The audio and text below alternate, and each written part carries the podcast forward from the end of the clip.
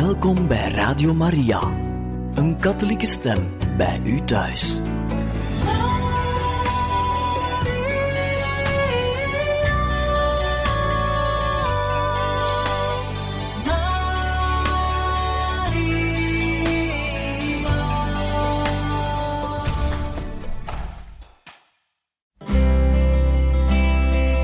Welkom bij Boekat, een programma van Radio Maria.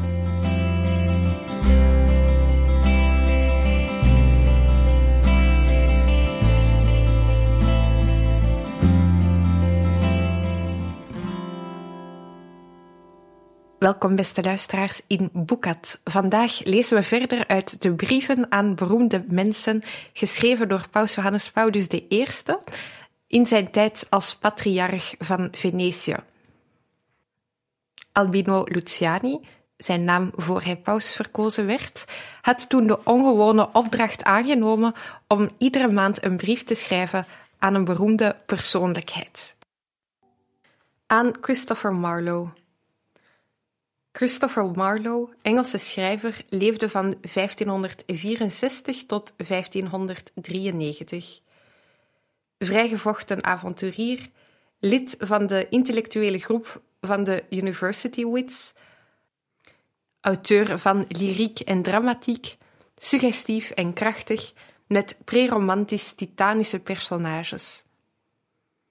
Zijn bekendste werk is de tragische geschiedenis van Dr. Faust, de bekende belevenissen van de dokter uit Wittenberg die zijn ziel aan de duivel vermaakt. De meest geslaagde streek van de duivel. Doorluchtige dichter, u heb ik voor de eerste keer ontmoet bij het lezen van onze dichter Carducci. In zijn verbeelding maakte Carducci per koet een tocht langs de Chiaroni, een riviertje in de Toscaanse Maremmen. De scharminkels van paarden lopen voort, het wordt donker, een lichte regen valt neer en de dichter leest een van uw werken. Het lezen moet hem hallucinaties hebben bezorgd, want hij schrijft aan boos, afschuwelijk vers, als de dromen van een man door het vele bier bezwaard, ontstijgt een wrange damp van gruwzame droefheid. Maar dan opeens houdt hij het niet meer uit en gooit uw boek weg. Weg jij, Marlowe, in het water. Ik was een knaap toen. Natuurlijk vroeg ik me af, wat was er zo afgrijselijk aan dat boek? Ik kan het niet opvissen uit het water van de Chiarone. Wie weet kan ik het nog uit een bibliotheek opduiken. Ik heb het opgedoken. De tragische geschiedenis van Dr. Faust. Werkelijk tragisch en somber. Op de eerste bladzijden vond ik er de clausules van het contract tussen Faust en de duivel. Ten eerste, Dr. Faust zal naar vorm en substantie een geest kunnen zijn. Ten tweede, de duivel Mephistopheles zal hem als dienaar ter beschikking staan. Ten derde, Mephistopheles zal voor Faust doen wat hij wil, hem bezorgen wat hij verlangt. Ten vierde, Mephistopheles zal bij Faust in diens kamer of huis aanwezig zijn, onzichtbaar. Ten vijfde, hij zal aan de genoemde Johannes Faust op elk gewenst ogenblik verschijnen, in de vorm of de gedaante die deze maar wil. Ik, Johannes Faust van Wittenberg, dokter, sta met onderhevige akte ziel en lichaam af aan Lucifer, prins van het oosten, en aan zijn gezant Mephistopheles. Bovendien ken ik u het recht toe, na verloop van 24 jaar, de hierboven genoemde Johannes Faust, met lichaam en ziel, vlees, bloed en bezittingen naar hun verblijfplaats te brengen, waar deze ook zij. Al dus eigenhandig opgemaakt en getekend Johannes Faust. Aan het einde van het drama gekomen, vroeg ik mezelf af die Marlowe is uitstekend als dichter van het gruwelverhaal. Maar is het niet dom van de duivel en is het van de dokter niet dwaas vooral zo'n overeenkomst op te maken? Thans ben ik wel in staat het antwoord te geven. Ja, dom is de duivel, dwaas de dokter. En gelukkig heeft het contract nooit bestaan. Maar ik hoor anderen al zeggen: gelukkig bestaat de duivel niet. Ik vermoed dat het u, Marlow, weinig zal interesseren dat tegenwoordig het bestaan van de duivel ontkend wordt. Als ik het goed begrepen heb, dacht u er 450 jaar geleden al net zo over. Mij bevalt die ontkenning echter allerminst. Met Charles Baudelaire, net als u dichter, en net als u alles behalve meel om hosties van te maken, vind ik dat de meest geslaagde streek van de duivel deze is: de mensen doen geloven dat hij niet bestaat. De duivel, een der hoofdrolspelers van de geschiedenis, tracht geheel incognito door de wereld rond te gaan en zijn bestaan door de mensen te laten ontkennen. Zo probeert hij hen in zijn eigen opstand tegen God mee te krijgen, en het lukt hem nog vaak ook. Een bewijs daarvan werd geleverd toen enkele maanden geleden de paus ondubbelzinnig het bestaan van de duivel in herinnering riep. Niet alleen als onpersoonlijk kwaad, maar ook als bestaande, zij het onzichtbare persoonlijkheid, die de mens niets dan schade berokkent. Er kwamen scherpe reacties los. In kranten en tijdschriften wisten enkele amateur-theologen hooghartig te vertellen dat er geen sprake kan zijn van een serieus betoog wanneer een paus middeleeuwse mythen laat herleven en zo de vooruitgang van de theologie doorkruist. Een theologie die de duivel als uit het cultuurpatroon heeft verwijderd. Er kwam zelfs een boek uit, De Paus en de Duivel. U, Marlow, zou het bestempeld hebben als malignantis naturae, oftewel kwaadaardig. In dat boek is de duivel in feite slechts een voorwendsel. Het eigenlijke thema is de dienst van Paulus VI aan de kerk en de wereld. Het thema wordt uitgesponnen met een ogenschijnlijke rijkdom aan gegevens en resultaten van objectief onderzoek. Daarachter schuilen echter een absoluut onbegrip voor de kerk, argeloze napraterij en een hinderlijk tendentieuze opzet. Positiever was de reactie van enkele rekkelijke theologen. Naar hun mening gevraagd antwoorden ze, zij het met tegenzin, dat een katholiek het bestaan van de duivel niet met goed fatsoen kan negeren. Zo openlijk spreekt de Bijbel ervan. Hier gaat het om. De Bijbel en de onbevangen lezing ervan. Het is frappant dat de oude Oosterse godsdiensten een zeer ontwikkelde en schilderachtige demonologie hadden, terwijl het Oude Testament voor de duivel maar een beperkte plaats inruimt. Vrees afbreuk te doen aan het monotheïsme en aan de officiële Hebreeuwse eredienst, de vrees ook het vraagstuk van goed en kwaad te vertroebelen. Dit alles verklaart misschien de terughoudendheid van de gewijde schrijvers. In het Nieuwe Testament komt de duivel meer ter sprake. Daar treft men vaak woorden als duivels, geesten, boze geesten, onreine geesten, de boze, de bekoorder. Deze geesten trachten zich, volgens het Evangelie, te verzetten tegen de komst van het Rijk. Kunnen de mensen bekoren zoals zij Jezus in de woestijn hebben bekoord? Voor Sint-Jan is het lijden van Jezus een strijd tegen de duivel. In de handelingen wordt gezegd dat de prediking van de apostelen de voortzetting zal zijn van de strijd tussen het rijk van God en het rijk van de duivel. Bij herhaling geven zowel Jezus als zijn toehoorders aan de duivel de schuld van ziekten, blindheid, stomheid, doofheid, epilepsie, geestesstoornissen. Jezus geneest deze ziekten. Echter nooit met behulp van magische formules of bezweringen, maar wel door een bevel uit te spreken, een eenvoudig gebaar te maken. Sint Paulus spreekt vaak over de macht van de duivel en van de bekoring. Waarvan hij zegt dat ze frequent is, verscheiden, schadelijk. De duivel transformeert zich zelfs in een engel des lichts, om de christenen des te beter te kunnen misleiden. Paulus zelf voelde zich geslagen door een engel van Satan, bij diens niet nader omschreven bekoringen. Hij wordt daarom echter niet bevreesd. De macht der duisternis zal niet in staat zijn hem te scheiden van de liefde van Christus. Jezus, zegt hij, heeft ons bevrijd van de macht van de duivel, en het zijn de christenen die aan het einde over de engelen zullen oordelen. Kleurrijker is het boek van de Apocalyps. Om de waarheid te zeggen, de demonologie ervan, tegen een achtergrond van gevechten en overwinningen van engelen op duivelen, is niet gemakkelijk te interpreteren. De Apocalyps heeft de demonologie van de eerste christelijke eeuwen beïnvloed. Daar komt het thema van de list vaak voor.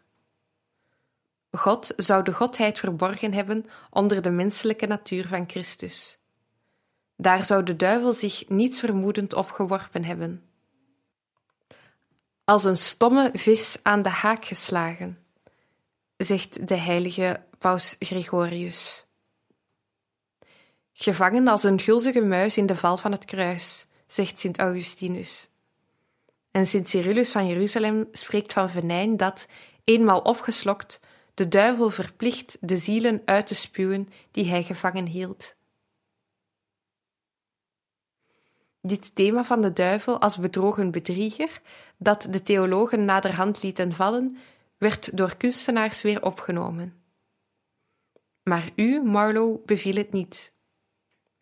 U liet de arme Faust voor altijd eindigen in de klauwen van Mephistopheles. Dante beviel het echter wel, en Goethe ook. Bij Dante hebben we Buonconte di Montefeltro, geëxcommuniceerde en een zeker slachtoffer van de duivel, die al op hem te wachten staat als op zijn prooi. Maar vlak voor zijn sterven heeft Buonconte de goede inval de heilige maagd aan te roepen. De engel van God plukt daardoor met recht deze ziel. En de duivel, voor gek staand en teleurgesteld, kan zich alleen nog maar kwaad maken op de engel en hem naschreeuwen: O jij uit de hemel, waarom maak je hem mij afhandig? Ook bij Goethe wordt de arme Mephistopheles bij de neus genomen. Nadat hij zich jarenlang heeft ingespannen om aan alle wensen van de jonge en oude Faust te voldoen. Op het laatste ogenblik dalen plotseling uit de hemel hele koren van engelen neer om de duivelse milities te verslaan en Faust te redden. Nijdig roept Mephistopheles: De ziel mij toegewezen, door hen bedrieglijk mij ontvreemd. Maar God bedriegt niemand, wat Mephistopheles er ook van mag zeggen. Hij is met al de zijnen zelf een bedrieger. En dit vormt het alles overheersende thema in de demonologie van de vaders, die tijdens de eerste eeuwen van het christendom hun toevlucht zochten in de woestijn. De woestijn wordt door hen niet beschouwd als een oord om de corruptie van de wereld te ontvluchten, en als plaats waar God in de eenzaamheid tot het hart van de bevoorrechte mens spreekt. Juist omgekeerd, het is een slagveld waar de kluizenaars zich meten met de duivel, om hem net als Jezus te verslaan. De duivels beschouwen, volgens de woestijnvaders, de woestijn als eigen terrein. Weg uit ons huis, roepen zij Antonius toe en laten hem onderweg op honderd valstrikken stoten, opdat hij niet verder gaat en hun laatste toevluchtsoord niet komt verstoren door het met monniken te vullen. Beroemd zijn de lelijke streken die ze met hem hebben uitgehaald en die dagelijks brood werden voor alle anachoreten. Vrome pelgrims die de woestijnvaders bezochten, hoorden de verhalen met verstomming aan. Sint Pachomius wil knielen om te bidden, de duivel graaft vlak voor hem een gat. Hij staat te werken, de duivel richt zich onverwacht voor hem op in de vermomming van een haan die hem onder de neus kraait. Hij staat te bidden en een wolf of een vos springen hem huilend op de rug. Sint Macarius, op reis naar een heidense tempel, heeft in het zand kleine stokken geplant om bij de terugkeer de weg te kunnen vinden. Hij valt in slaap, maar onderwijl trekt de duivel alle stokken uit de grond en Macarius vindt ze in een bundel als een kussen onder zijn hoofd. Kortom, misleidende, nijdige, verwarringstichtende, afgunstige duivels, op wie de monnik, als hij waakt en bidt, toch de volledige overwinning zal behalen. Hier hebben we vanzelfsprekend niet met allemaal ware geschiedenissen te doen, maar veel eer met didactische of moralistische geschriften. Toch werden zij gelezen en voor historisch aangenomen. Maakten zij indruk op de eenvoudige gelovigen en stonden zij aan de oorsprong van andere geschriften en andere overleveringen.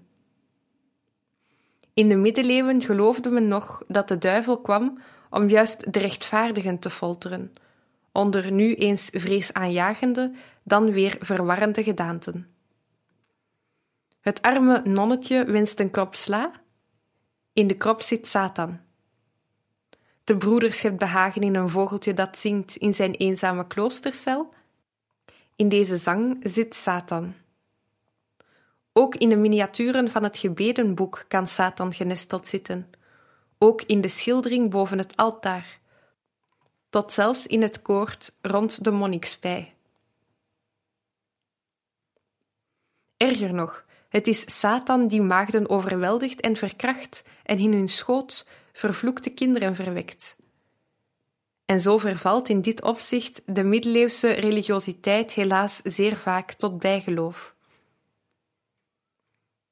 Met de demonologie verenigde en verbond zich vaak, ondanks de weerstand van de kerk, de magie. De heks, de bosaardige vrouw, de gifmengster vonden geloof tot in de 16e en 17e eeuw. Men geloofde dat zij helse krachten konden gebruiken tegen een vijand. Hoe is dit alles te verklaren? Niet enkel uit kwaadwilligheid, want vaak is er onwetendheid geweest en goede trouw. Laten we dan zeggen uit de naïviteit van de schrijvers die feiten hebben aanvaard zonder de nodige navorsing. Uit gemakkelijke goedgelovigheid die lichtvaardig het woord van God en uitingen van bijgeloof vermengde. Uit het feit dat, dat psychologische en pathologische verschijnselen werden bekeken met een oppervlakkig godsdienstig in plaats van een wetenschappelijk oog. Verwerping van deze overdrijvingen en vergissingen wil echter niet zeggen dat alles moet worden verworpen. Het bestaan van de duivel als onzichtbare geest kan geen groter probleem vormen dan het bestaan van God en van de engelen. En toegeven dat hij macht over de mensen bezit, hoeft niet tot vrees te leiden. Als men gelooft in de overwinning die Christus heeft behaald. Aan het kruis lijkt hij overwonnen. Maar hij was er overwinnaar, zoals blijkt uit de verrijzenis.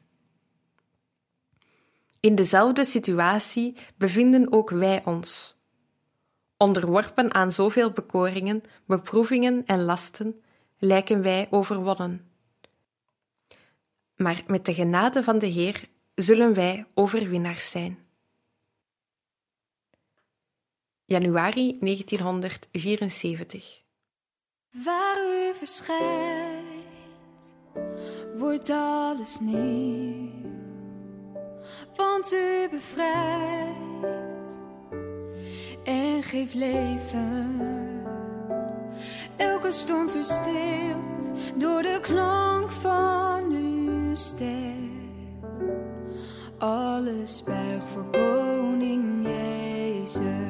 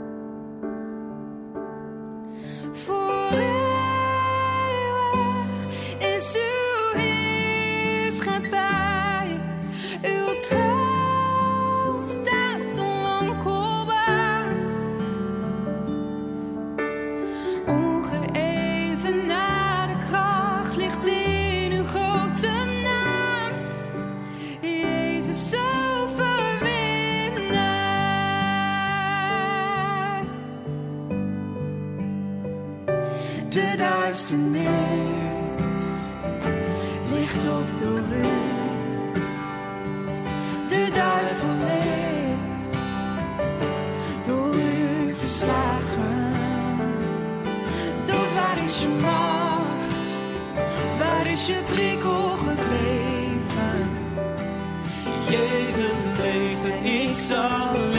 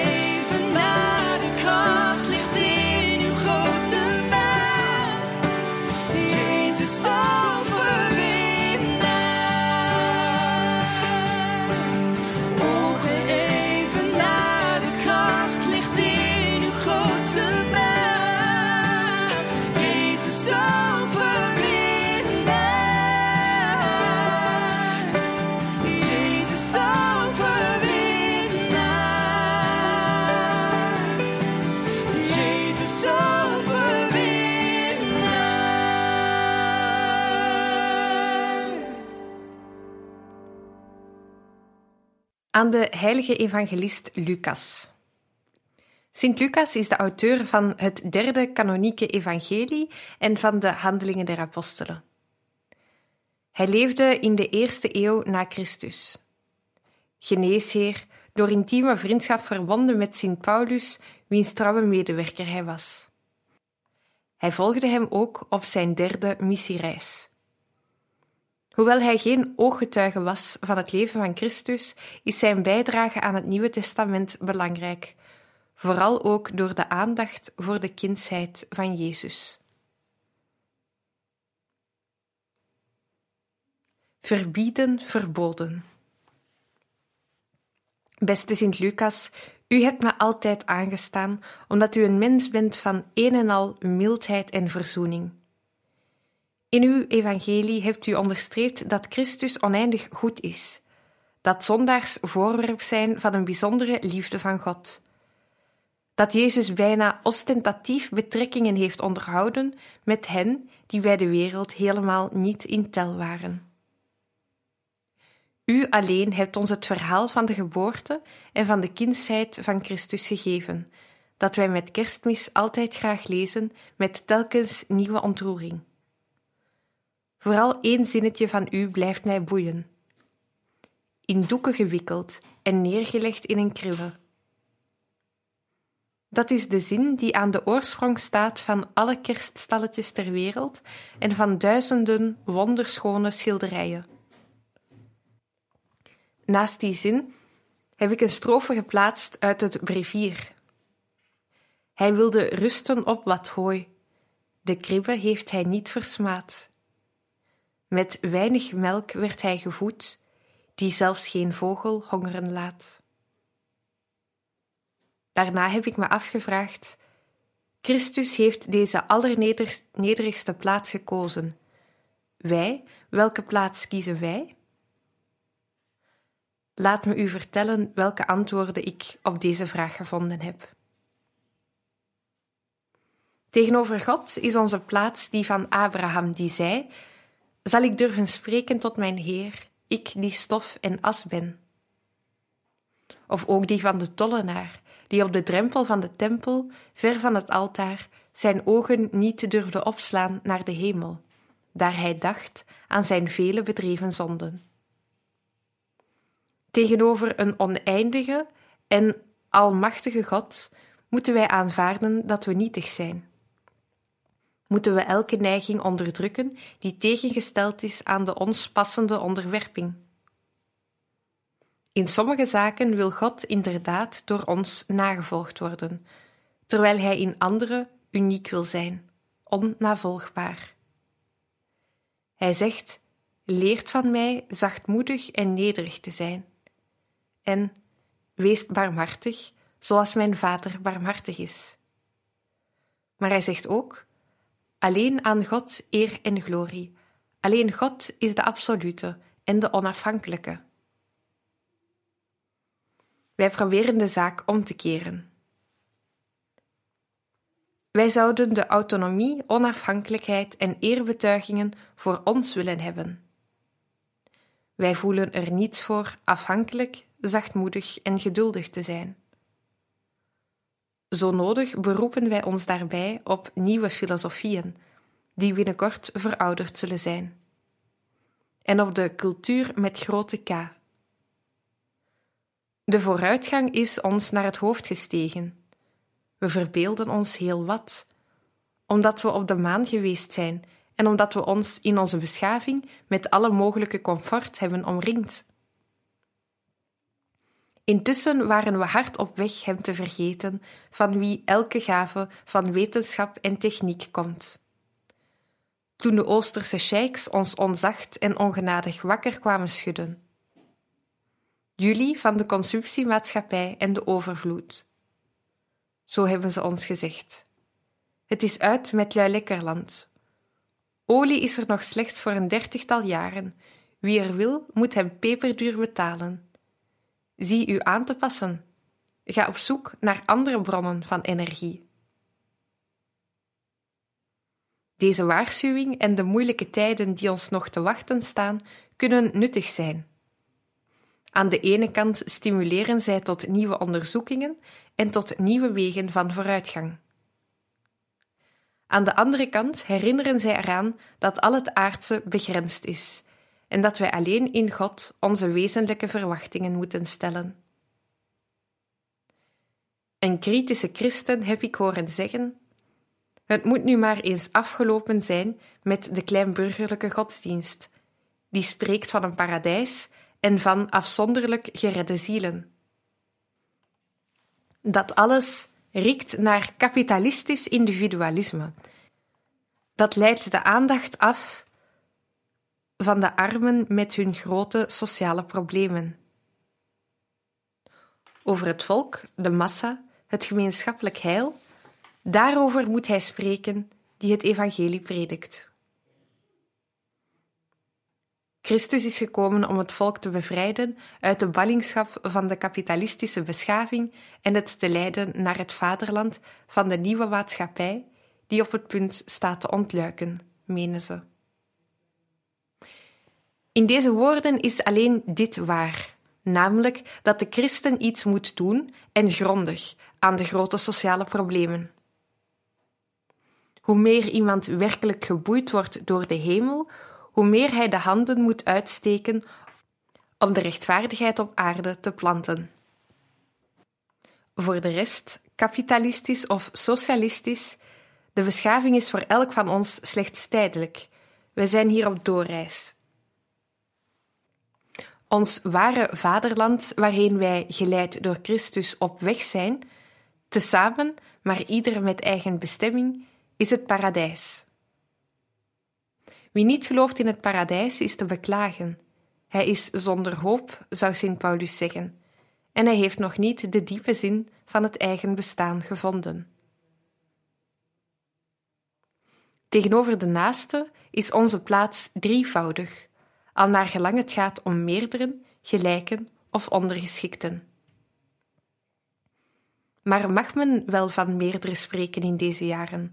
Mag men nog zeggen de kinderen moeten hun ouders liefhebben, eerbiedigen en gehoorzamen, de leerlingen hun leraren, de burgers die gevestigde autoriteiten.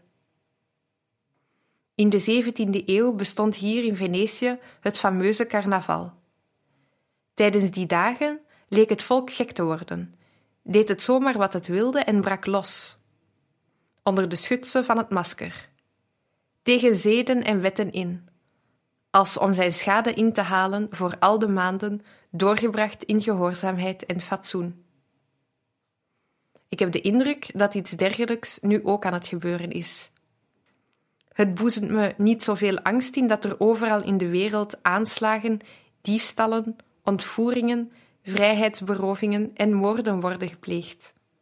Dat is altijd al zo geweest. Beangstigend is de nieuwe manier waarop veel mensen tegen deze fenomenen aankijken. De wet, de norm, wordt beschouwd als iets om de draak mee te steken, of als een vorm van repressie en vervreemding. Men schept er een dwaas genoegen in kwaad te spreken van om het even welke wet. De enige zaak die vandaag nog verboden is, zo heeft iemand al opgemerkt, is het verbieden. En wie nog tracht te verbieden, gaat door voor iemand die thuis hoort in de oude en achterhaalde maatschappij van onderdrukkers. Sommige rechters maken bij het vonnissen de indruk dat zij willekeurig de mazen in de wet willen vergroten. Heel vaak worden in de pers diegenen belachelijk gemaakt die de taak hebben de openbare orde te handhaven. Zelfs in kringen van priesters wordt, bij het neerhalen van de ene kerkelijke wet na de andere, even vrolijk als onbegrijpelijk, het quantum potes tantum aude, wat betekent durf zoveel je maar kan, uit het Laudation toegepast. Steeds talrijker worden de min of meer wetenschappelijke onderzoekingen die bijna alle lijken uit te lopen op deze slotzang. Beste mensen, Jullie zijn ongelukkig in de huidige situatie. Als jullie gelukkig willen worden, moeten jullie alles veranderen en de structuren op hun kop zetten. Ook de psychologie, zoals die de menselijke verschijnselen verklaart, helpt hierbij een handje.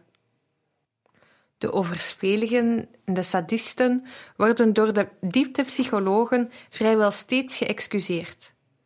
De fout ligt bij de ouders, die hun tengere en engelachtige spruiten niet hebben bemind zoals ze moesten. Er is een hele literatuur die als parool schijnt te hebben: zoek de schuld bij de vader, en die deze voor nagenoeg alles verantwoordelijk stelt.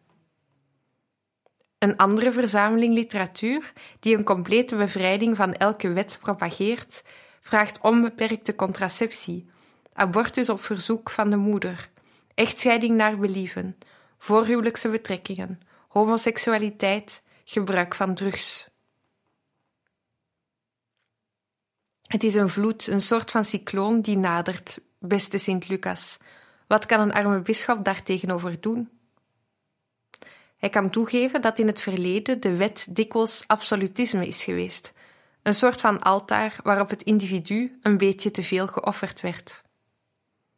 Hij neemt er akte van dat het soms de ouders zelf zijn die voor hun kinderen alle teugels vieren. Ik wil niet dat mijn zoon de strengheid kent die ze mij hebben doen ondergaan.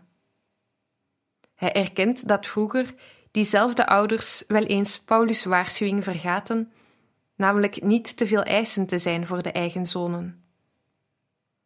Hij weet best dat iedere uitoefening van gezag een dienst is en dus moet worden uitgeoefend in dienstvaardigheid. Hij heeft de woorden van Sint Petrus voor de geest. Handelt als waarlijk vrije mensen die zich niet bedienen van de vrijheid als sluier van de boosheid, maar dienaren Gods zijn. Deze woorden sluiten de zogenaamde macht uit en vereisen een gezag dat vrijheid bevordert. Zij willen geen slaafse gehoorzaamheid, maar een volwassen, actieve en verantwoordelijke gehoorzaamheid. Maar verder? Verder moet hij vertrouwen op God en vastberaden blijven herinneren aan het goddelijk woord: Wie God vreest, eert zijn vader. Mijn zoon, eer uw vader met woorden en met daden. Zonen, gehoorzaamt uw ouders in alles. Dat is de Heer aangenaam. Ieder mens moet zich onderwerpen aan de gezagdragers die boven hem staan, want er is geen gezag dan van God. Wie zich dus tegen het gezag verzet, verzet zich tegen Gods bevel. Zo schrijft Paulus in de Romeinenbrief. En hij schrijft in de brief aan Timotheus: Ik dring erop aan dat er smekelingen en gebeden gedaan worden voor alle mensen, voor de koningen en voor allen die met gezag zijn bekleed. Gehoorzaamt aan uw leidslieden en voegt u naar hen, opdat zij, die als verantwoordelijken moeten waken over uw ziel, dit doen met vreugde en niet onderzuchten. Verder zijn er onze gelijken. Tegenover hen is het onze plicht eenvoudig te zijn, onopvallend, zonder de overdreven manie om zich te onderscheiden.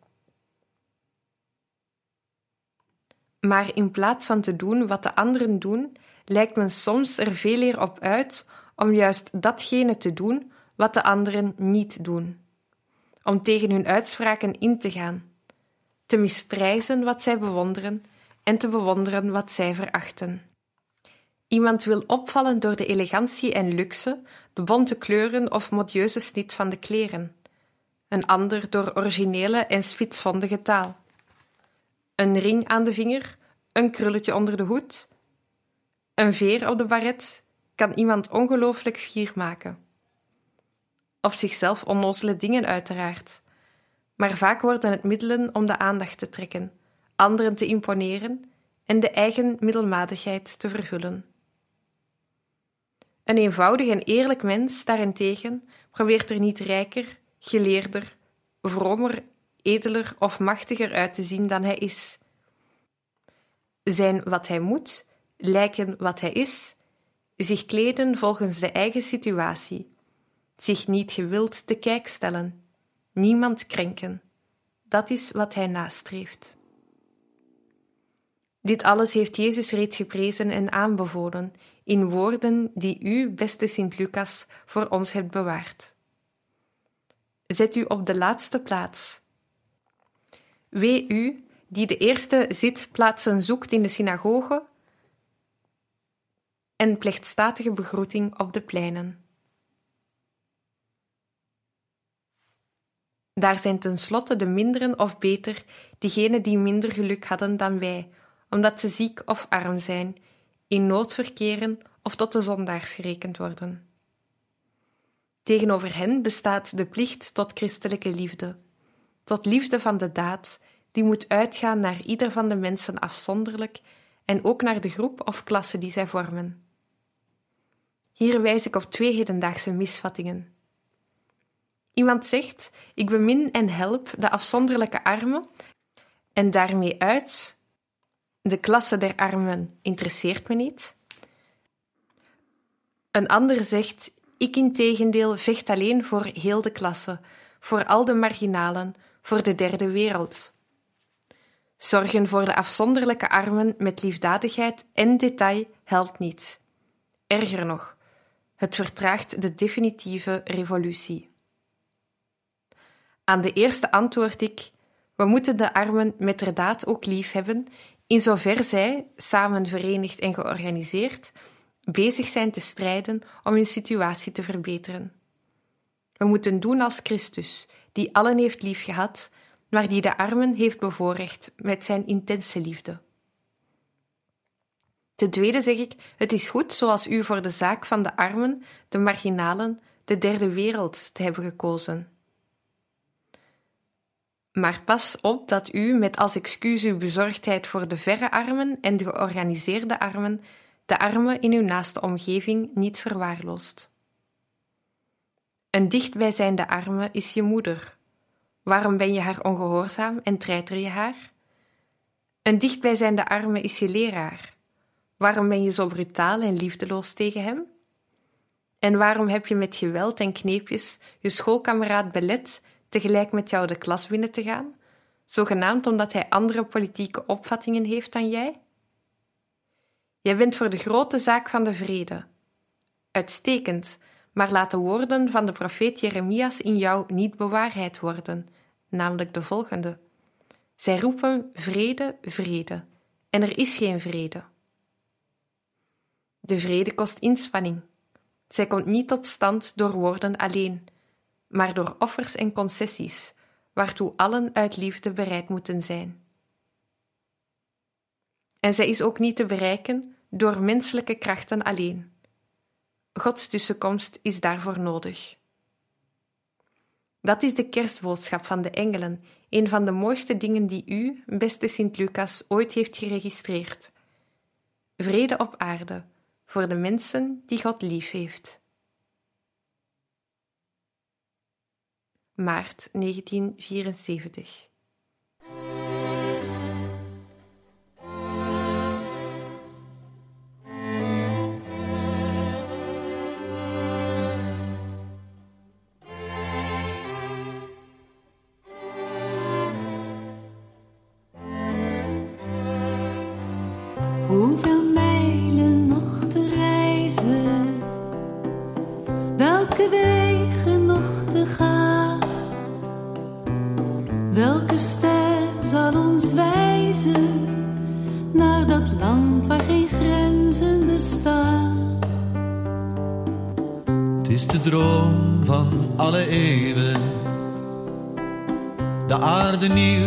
mensen vrij. Maar geen huilen of schreeuwen bracht die wereld een stap dichterbij.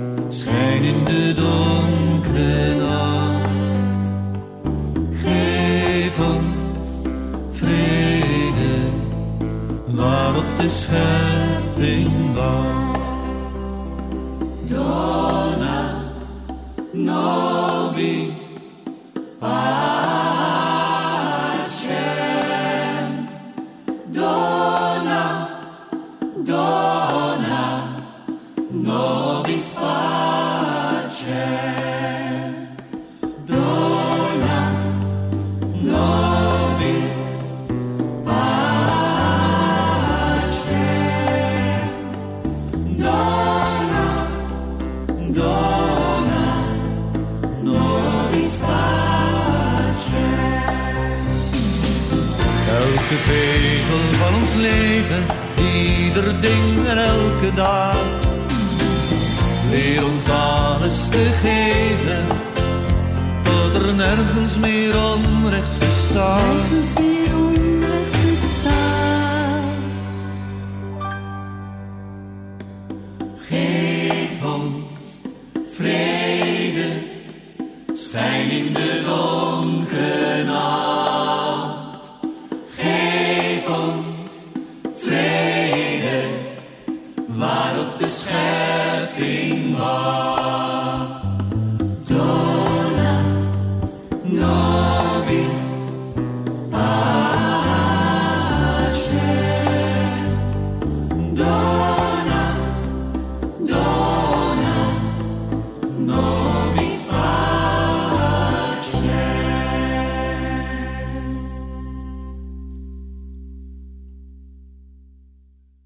Zover, beste luisteraars, de brieven aan beroemde mensen voor vandaag. Geschreven door Albino Luciani, de latere paus Johannes Paulus I.